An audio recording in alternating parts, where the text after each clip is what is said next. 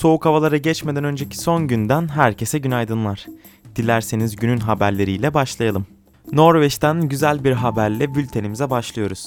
Genç bilim insanı Emre Sarı, mahalle sakinlerinin genel sağlık davranışlarının bireyin vücut kitle endeksine etkisi başlıklı çalışması ile Nansen Erken Kariyer Ödülüne layık görüldü.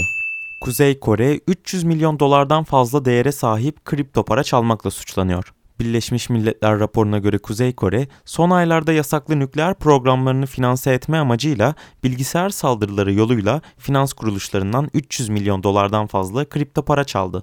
Kuzey Kore'nin dünyanın dört bir yanındaki finansal kurumlara saldırı düzenleyebilmek için binlerce deneyimli bilgisayar korsanı görevlendirmiş olabileceği düşünülüyor.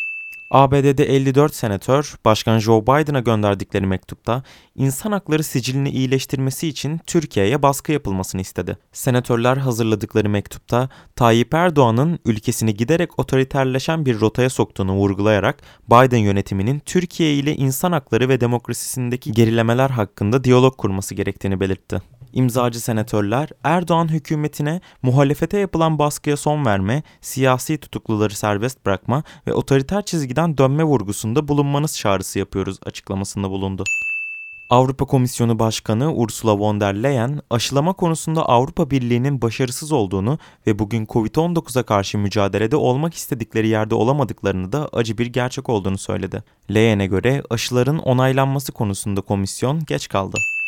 Amerikan Jeofizik Enstitüsü'nün açıklamasına göre Pasifik'teki Yeni Kaledonya bölgesi 7.7 büyüklüğünde şiddetli bir depremle sallandı. Depremin ardından ise tsunami uyarısı yapıldı.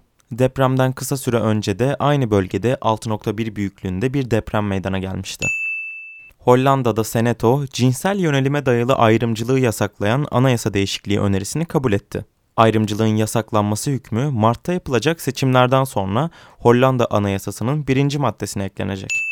Avrupa Komisyonu Macaristan'ın ilk bağımsız radyosunun yayın izninin iptalini kınadı ve bu kararın ülkedeki medya özgürlüğü ve çoğulculuk ile ilgili endişelerini arttırdığını açıkladı. Ünlü platform Reddit son yatırım turunda 250 milyon dolar yatırım topladığını açıkladı. Bu yatırımla birlikte platformun değeri 6 milyar dolara ulaştı. Böylelikle Reddit çalışan sayısını iki kat artıracağını ve uluslararası pazarlarda daha fazla yer alacağını açıkladı.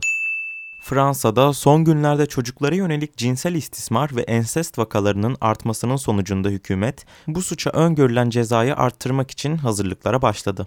Adalet Bakanı Eric Dupont-Moretti, 15 yaş altındaki kişilere yönelik her türlü eylemin tahammül edilemez olduğunu ve kişinin rızası olsa da her türlü cinsel eylemin tecavüz olarak nitelendireceğini açıkladı. Hatırlanacağı üzere geçtiğimiz ay siyaset bilimci Oliver Duhamel ile evlat edindiği oğlu arasındaki tecavüz iddiaları sebebiyle Fransa'daki ensest mağdurları sosyal medyada seslerini çıkarmaya başlamıştı. Yarın tekrardan görüşmek üzere. Esen kalın.